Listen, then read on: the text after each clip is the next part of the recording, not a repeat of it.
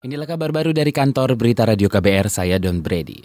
Saudara Komisi Pemilihan Umum atau KPU akan segera menyampaikan jawaban tertulis soal temuan data pemilih yang dianggap tak wajar kepada Badan Pemenangan Nasional BPN Prabowo Sandi. Komisioner KPU Firian Aziz menjelaskan sebelumnya ada aduan dari BPN terkait adanya 17,5 data pemilih yang diduga tidak wajar. Firian menyebut data itu bukan data bermasalah tapi merupakan data yang sudah dikelompokkan itu bukan data yang kemudian e, bermasalah. Itu data yang e, tanggal lahirnya terkelompok dalam jumlah besar di tanggal 1 bulan 1, 1 bulan 7, 31 bulan 12. Dan itu terkonfirmasi dengan peraturan pemerintah dalam hal ini Kementerian Dalam Negeri menyangkut pengadministrasian penduduk. Jadi tidak ada masalah dengan data tiga kelompok tanggal lahir tersebut.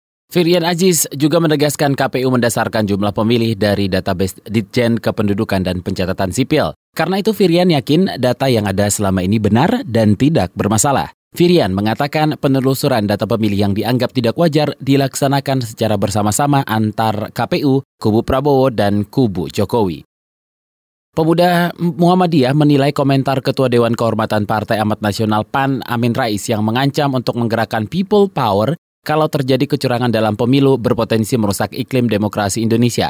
Sekjen PP Muhammadiyah David Krisna Alka menilai ajakan people power itu juga mencederai independensi pemilih. Padahal saat ini demokrasi sudah berlangsung cukup baik. Pak Amin sebagai tokoh bangsa dan tokoh reformasi seharusnya harus rendah hati di era demokrasi ini. Itu poin sebagai kami uh, kader pemuda Muhammadiyah. Jadi poin saya secara pribadi ini mungkin frustrasian politik uh, beliau sebagai bapak reformasi bisa jadi seperti itu. Karena dia menekan suara politik rakyat, mengkhianati alat demokrasi, tekanan terhadap kebebasan warga untuk memilih, gaya politik lama ya, seolah-olah ini orde baru aja. Itu tadi Sekjen PP Muhammadiyah David Krisna. Kekecewaan senada juga dilontarkan Direktur Eksekutif para Syndicate Ari Nurcayo. Ia menilai pernyataan Amin Rais soal people power cenderung menimbulkan ketakutan dan provokatif terhadap proses pemilu. Untuk menangkal kabar hoax, Polres Rembang, Jawa Tengah mengoptimalkan peran tim cyber.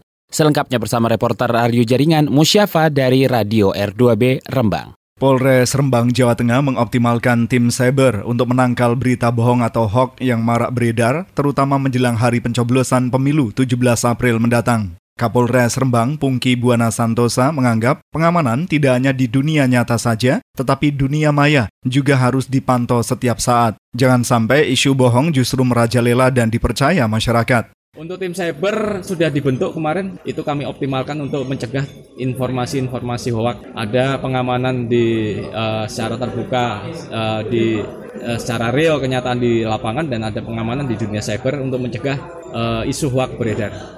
Kapolres Rembang, Pungki Buana Santosa. Kapolres menambahkan berdasarkan pantauan beredarnya kabar bohong selama ini, paling banyak berasal dari luar Kabupaten Rembang. Khusus di Polres, ruangan sub bagian humas menjadi pintu kendali pantauan hoax. Ada tiga personel yang setiap hari mengamati perkembangan berita dari berbagai media, sekaligus menyampaikan materi yang dapat menunjang keamanan dan ketertiban masyarakat melalui media sosial.